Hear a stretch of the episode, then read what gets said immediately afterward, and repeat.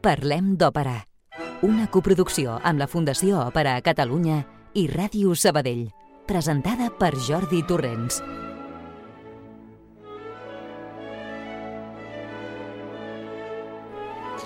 Bon vespre a tothom.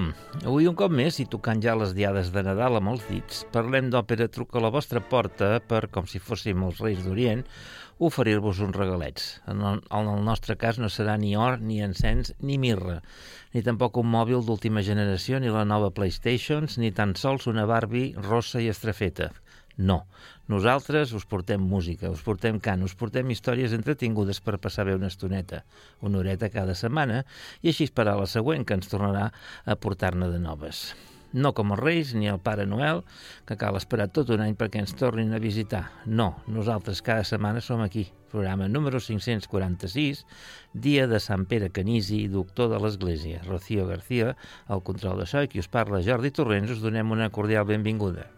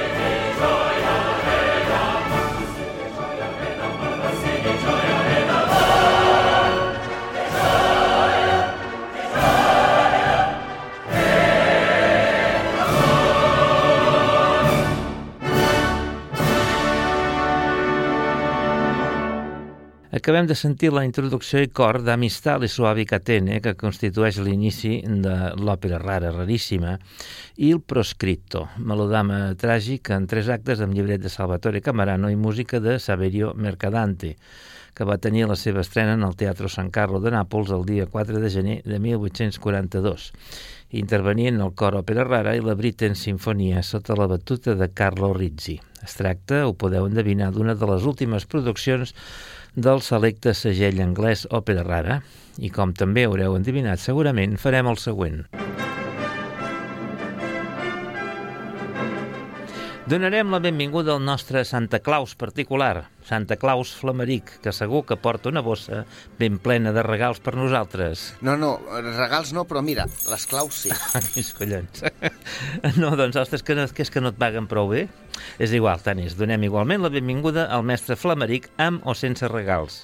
Doncs sí, efectivament, per aquest darrer Aló Flameric de 2023 tenim una òpera rara amb una selecció orgiàstica de cabaletes concertants, fores d'escenes i patxanga de la bona.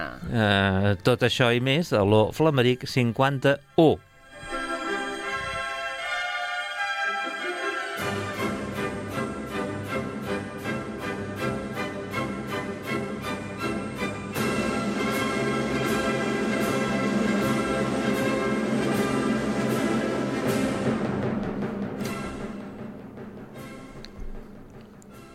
Tu saps, tu saps que allà a Miami, quan jo estava a Miami i feien els anuncis de la tele ja quan s'acostaven a dalt i tot això com que, era, com que tot era el latino eh, del canal Mundovision, eh, tot el canal latino allà, allà en lloc de Santa Claus li deien Santi Claus Santi Claus? Sí, no sé si, parent, no parent... sé si és família d'aquell no. dels hotels de Barcelona.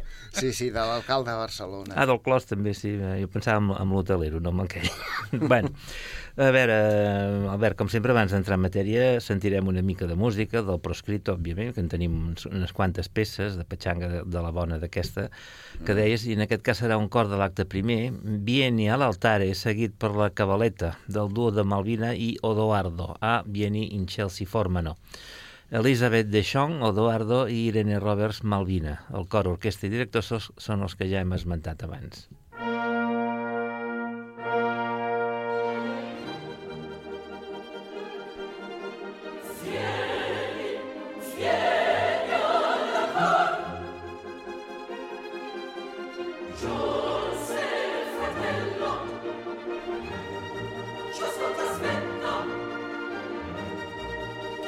Oh.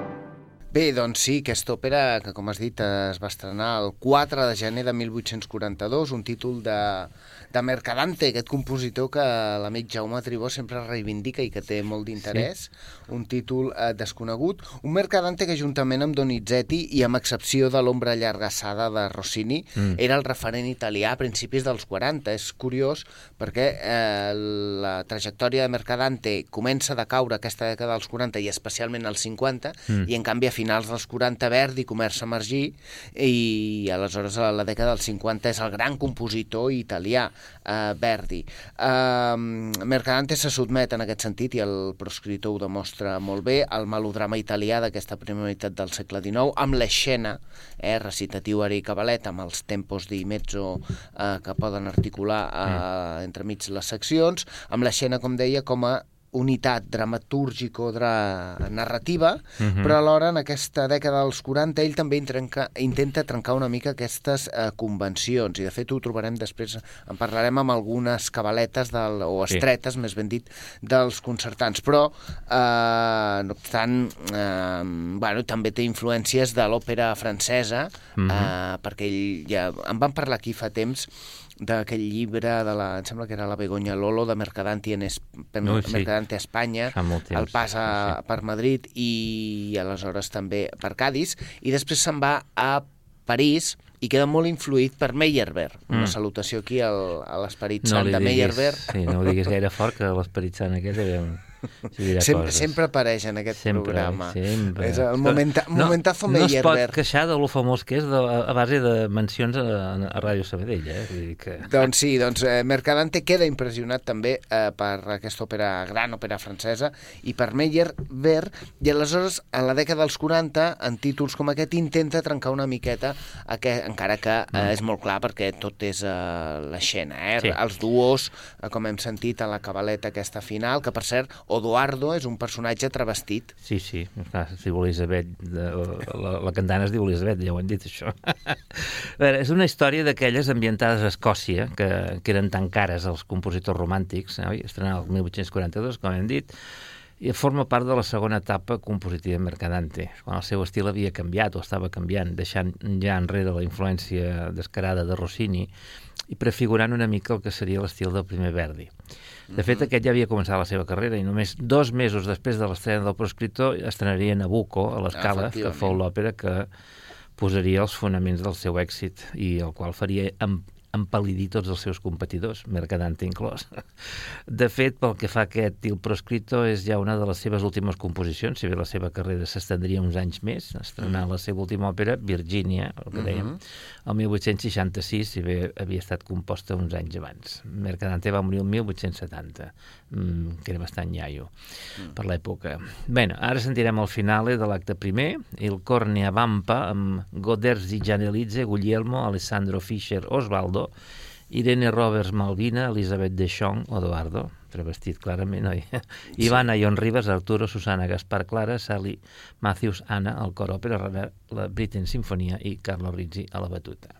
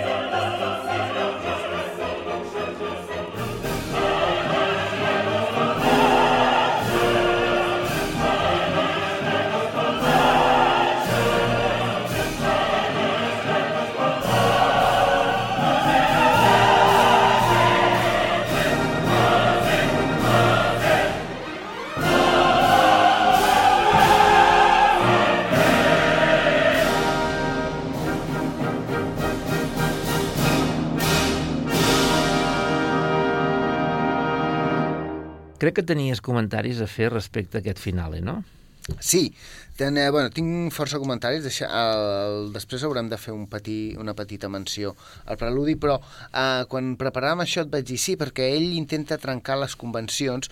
Clar, jo vaig sentir aquesta òpera quan va sortir, ara no em recordo, tampoc fa molt, no, però no. és allò que la memòria i la ignorància et fan males passades. No, en realitat aquest final primer no és tan anticonvencional com, no sé, tenia aquesta idea fixada i reescoltant-lo mm. l'altre dia vaig veure que no, que té, per cert, un largo concertato molt interessant, de fet, els finals d'acte són eh, números molt treballats en aquesta, en aquesta òpera i en aquesta dècada dels 40 mm. d'aquest mm. Mercadante, que després ell serà director del Conservatori de, de Nàpols mm -hmm. i la dècada dels 50, per exemple, es dedicarà molt a fer eh, bandes militars, sí música per banda militar, i aleshores en aquest concertant eh, hi ha aquest largo concertato que no hem escoltat, i la cabaleta el que sí que trenca una mica, i, i és sobretot per influència de, del model Meyerbeerià, trenca una mica la cabaleta rossiniana o la cabaleta més italiana, que tenia dues parts, generalment mm, sobre dos temes, el segon solia ser un crescendo, molt rossinià també, mhm. -huh. i ara si aquí eh, s'hi ha fixat l'oient,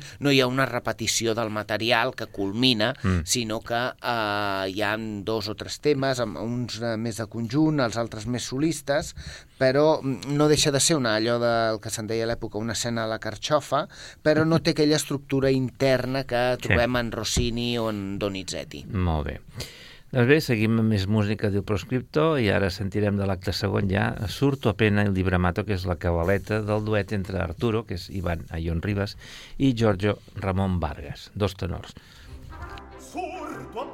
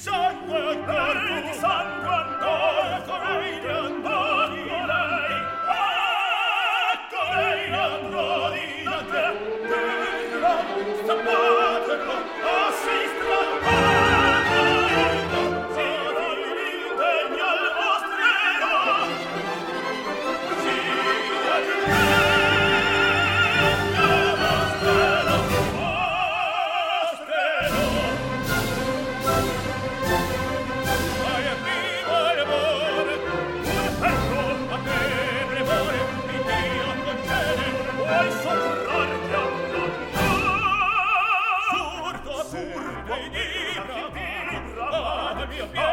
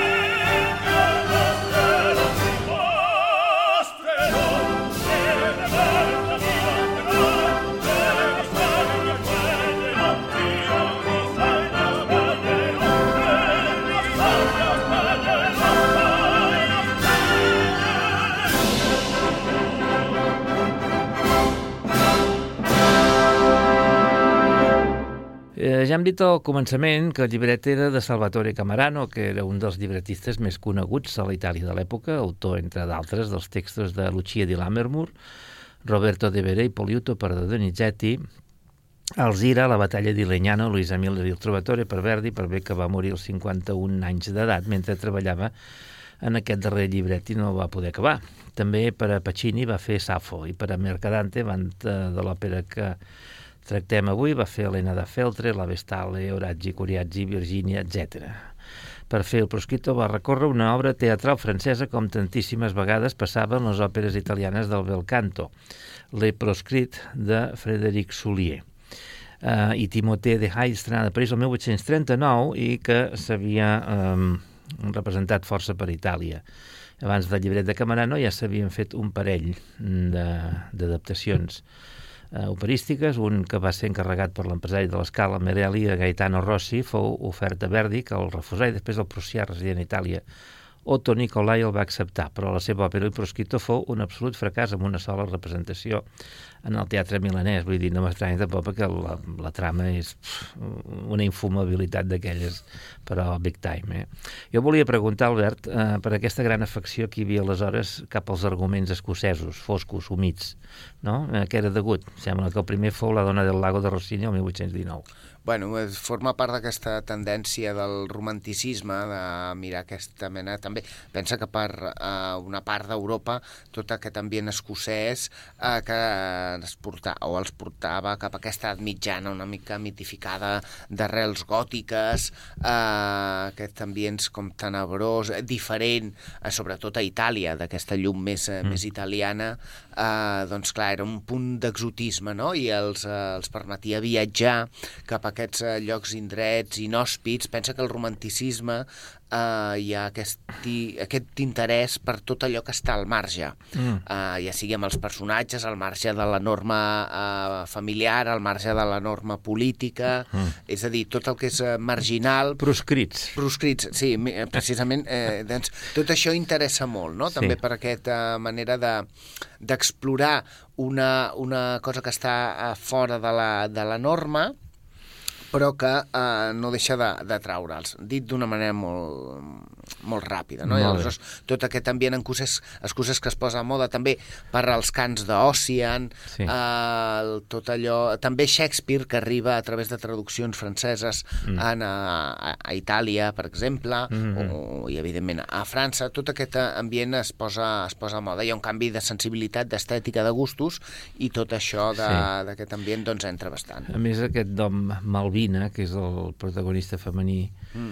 d'aquí, d'aquesta òpera, devia ser molt escocès, no sé per què. Malvina, també vam parlar de la Helena Malvina de Ramon sí. Carnicer, que també passa a Escòcia. També es diu Malvina, la protagonista de, uh, Der Vampir, de, uh, Marshner, que també passa a Escòcia, vull dir, no sé, no, no he sentit... Uh... Bueno, són com les Leonores, que també n'hi ha sí, moltes. Lady Malvina, no sé com es deu dir en escocès, però moltes Malvines, ja, que no és el mateix fer malves que fer Malvines, oi? Xis dolent, eh? Dolent. Últimament estic fatal. Bé, a veure, sentirem més música, encara sí. Colui que m'ha questànima, que és la cabaleta de l'àrea d'Odoardo, amb sí. Elisabet de Chong, i el cor òpera rara, la Britain Symphony, Carlo Rizzi, a la batuta una cabaleta que, fixa't que aquesta seria la cabaleta potser més rossiniana uh -huh. de totes les que hi ha. Hi ha una part de cant, diguem, silabat, de nota per síl·laba, sí. puntuada, uh, una mica staccato, i després sí que hi ha com una part més ornamental dins la frase, que és un mm. grupet de, de notes que tanca l'escena eh, amb toc militaroide, heroic. Sí. De fet, el, el, la cabaleta que hem escoltat abans, Arturo i Giorgio, també té aquest toc heroic amb l'acompanyament sí. rítmic de la trompeta, energia, testosterona. Avui Venga. acabem... acabem uh, t'agrada L'any, sí, home, una miqueta de patxangueta i de trampera ja va bé. Escolta, abans de sentir-ho, només mencionaré que aquesta Elizabeth Deschamps, que és una cantant americana, de mezzo, recentment l'hem vist al Liceu un parell de vegades, va, va intervenir en la Xina de Handel en versió concert la temporada passada, se va fer el rol de Bradamante, i ara, fa poc, va ser una de les cantants, el, feia el rol d'Octàvia, que va eh, cantant a l'Antoni en Cleopatra de John Adams. Sentim, doncs, aquesta cabaleta.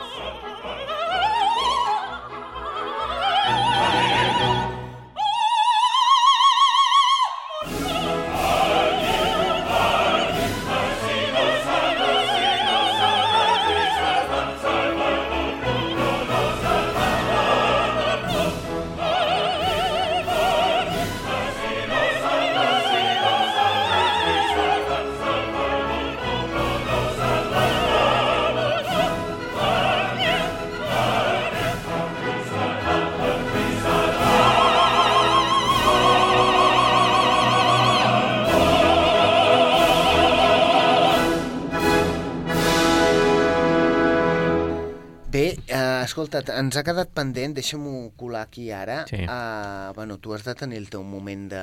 D'argumental, D'argumental, no? Sí, sí, l'estic és- esperant amb moltes ganes. Però escolta, deixa'm uh, fer un petit esment que no se'n passi a la introducció, Mm. eh, que comença amb aquells tocs militars i estil una mica uh, Sí, de... i que toquen fora d'allò sí, que t'agrada sí, tant evidentment. És, és una introducció bastant particular. No oblidem que eh, doncs Rossini ja havia provat fer, encara que fes servir aquella forma sonata cavatina en la majoria d'obertures, ja havia provat d'incloure el cor Mm. i els elements musicals fora d'escena en alguns Sí. títols escrits pel San Carlo de Nàpols. No oblidem Sí. també que a partir de 1840 eh, Mercadante és el director del Conservatori de, de Nàpols. Llavors, que aquesta ho va fer, introducció... si em permets, a l'Hermione i el Richard Zoraide. Ah, molt bé. Mira, són les dos que he marcat. Home, Ei, és que són tens, les dues. Ets, ets un bon alumne. Com de cone. Com eso. Uh, doncs sí, precisament aquestes, el cor més Armida i el fora d'escena també amb el cor, amb, eh, amb l'obertura del Ricciardo Zoraida de 1818. Has, dit, has dit Hermida i és Hermione. Perdona. Hermione, perdó, Hermione. sí. Uh, sí, sí, Hermione. Hermione. A l'Armida no. Uh, no li he pres la Armida bé al comentari.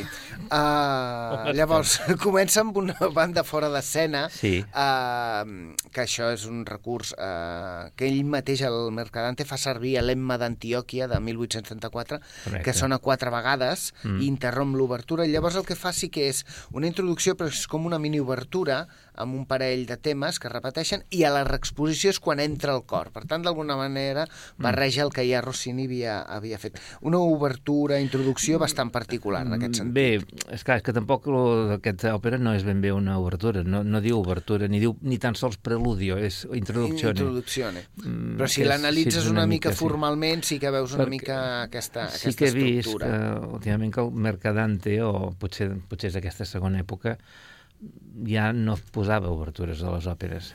Al principi sí, però ara que s'ha fet més pro, Mm. No, perquè ell- protoverdià, ha eliminat-les. És que, clar, això no es diu, però evidentment Verdi a Mercadante li, li tenia l'ull clixat. Eh, perquè la dècada, a partir sobretot dels 30, ell tendeix cap a mm, buscar un cert realisme dins les convencions de, de l'època, eh, situacions més complexes, buscant aquesta emoció, i llavors per això internament trenca aquestes estructures, però després serà Verdi qui realment, Sí. amb Macbeth, per exemple, busca Sí. solucions, entre cometes, més realistes. més, allò, més agosarades.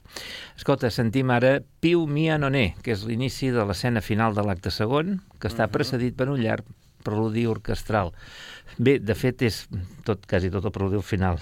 Canta una mica breument el Ramon Vargas, que és el Giorgio.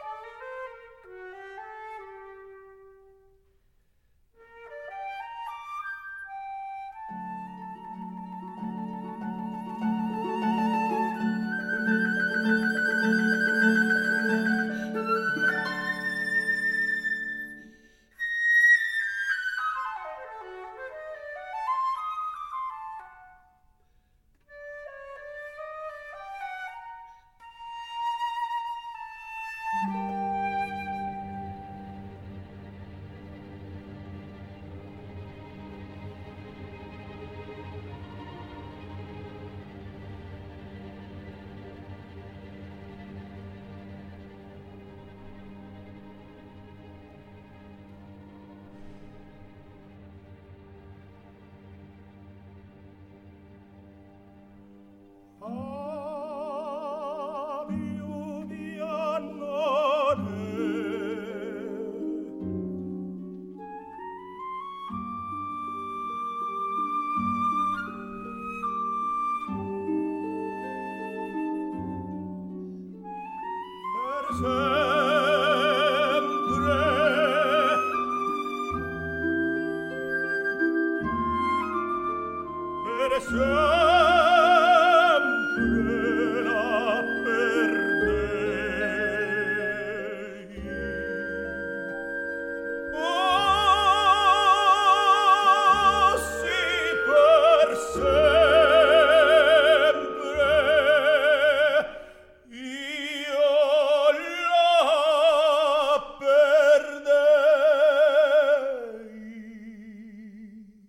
Vale, eh, aquí destaquem aquesta introducció amb arpa i flauta. Digues, digues. Sí, no, t'anava a dir que el, és compositor d'almenys sis, sis concerts per flauta, mm -hmm. tres per clarinet, a més d'altres obres eh, orquestrals de, per, on la flauta o el clarinet són solistes, vull dir que Mercadante va, va treballar també aquest gènere, mm -hmm. eh, d'una manera que no, bueno, no són grans, grans concerts de la història, però estan bé i si l'aficionat t'interessa els pot escoltar. Mm. Deixa'm dir eh, també que, eh, bueno, ara això precedeix aquest duet de Malvina i Giorgio, uh mhm. -huh. i després s'enllaça també, intenta trencar una mica l'estructura aquesta de l'escena, enllaçant amb el final secondo. Sí, aquí hi ha un munt de peces, i ara, per, per exemple, sentirem una d'aquestes peces encabides en aquesta escena final, que aquí uh -huh. són tres a cantar, Malvina, Arturo i Giorgio. Són tu esposa. Sí, transforma aquest duet amb una petita intervenció en, en tercet. Molt bé, davant. See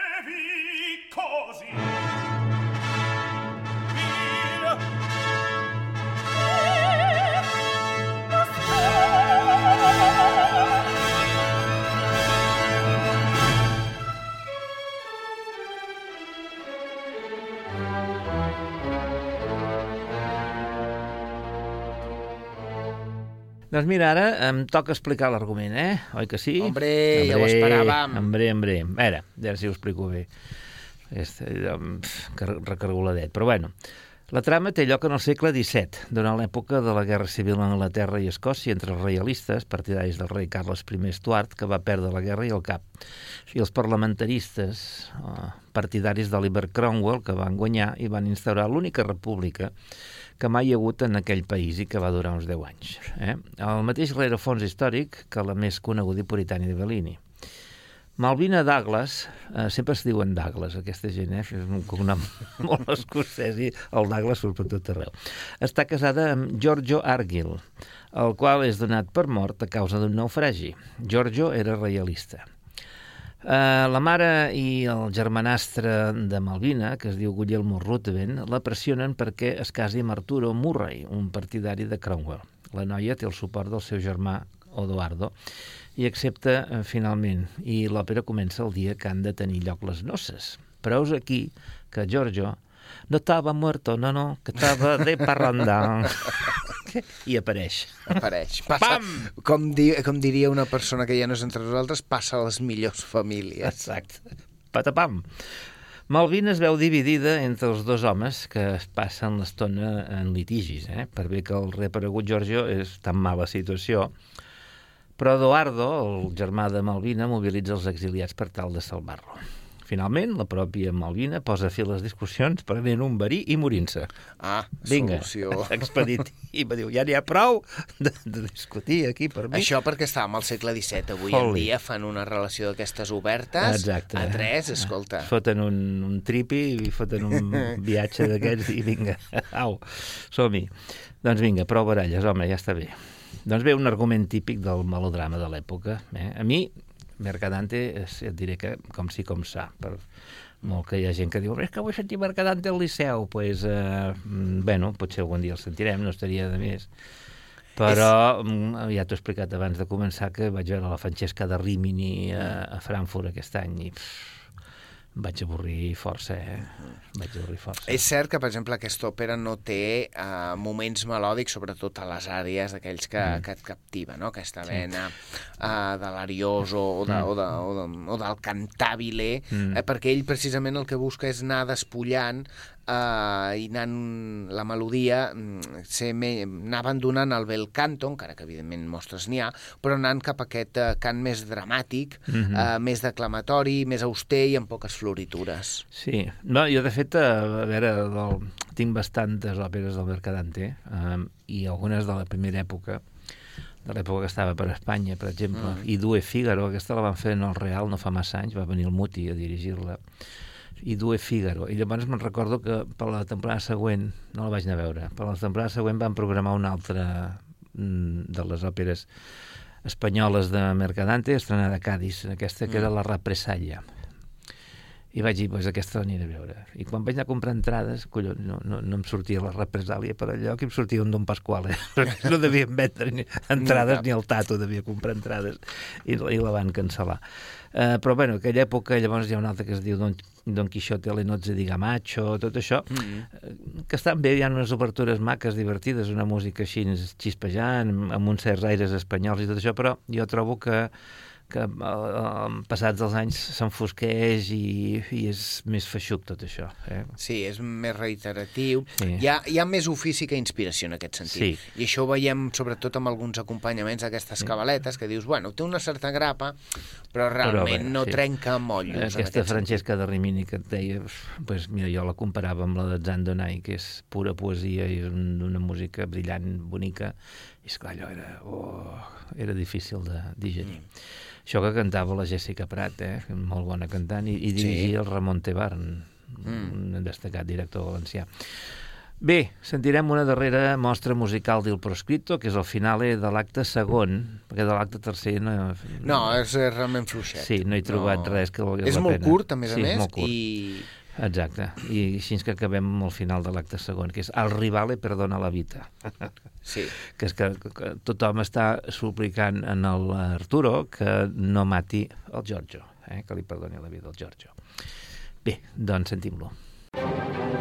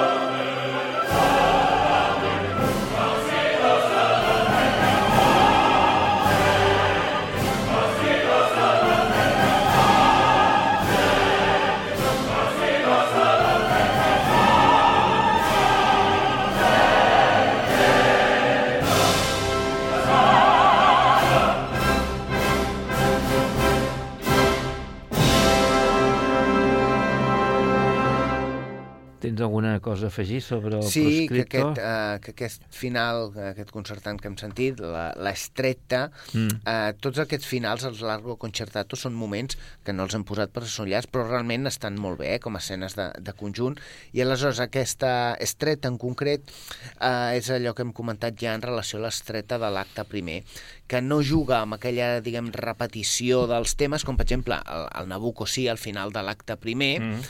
i que en canvi busca doncs, eh, aquesta seqüència de temes una mica més, eh, més no direm narrativa, sí. però que no fa servir aquesta estructura més convencional. Però vaja, moments de, de bombo platillo, espectacularitat vocal, que li dediquem a la nostra oient, la Joana, mm -hmm. i que ens hem donat aquest bany una mica de, de patxangueta sí. canyera, que de tant en tant ja va bé. Bueno, encara no hem acabat. Per cert que mm, no hem rebut carta de la Joana perquè Nadal i em té una mica preocupat. No sé, no sé si és que no ha pogut o que Correus va amb la seva eficàcia habitual allà fent competició amb Renfe.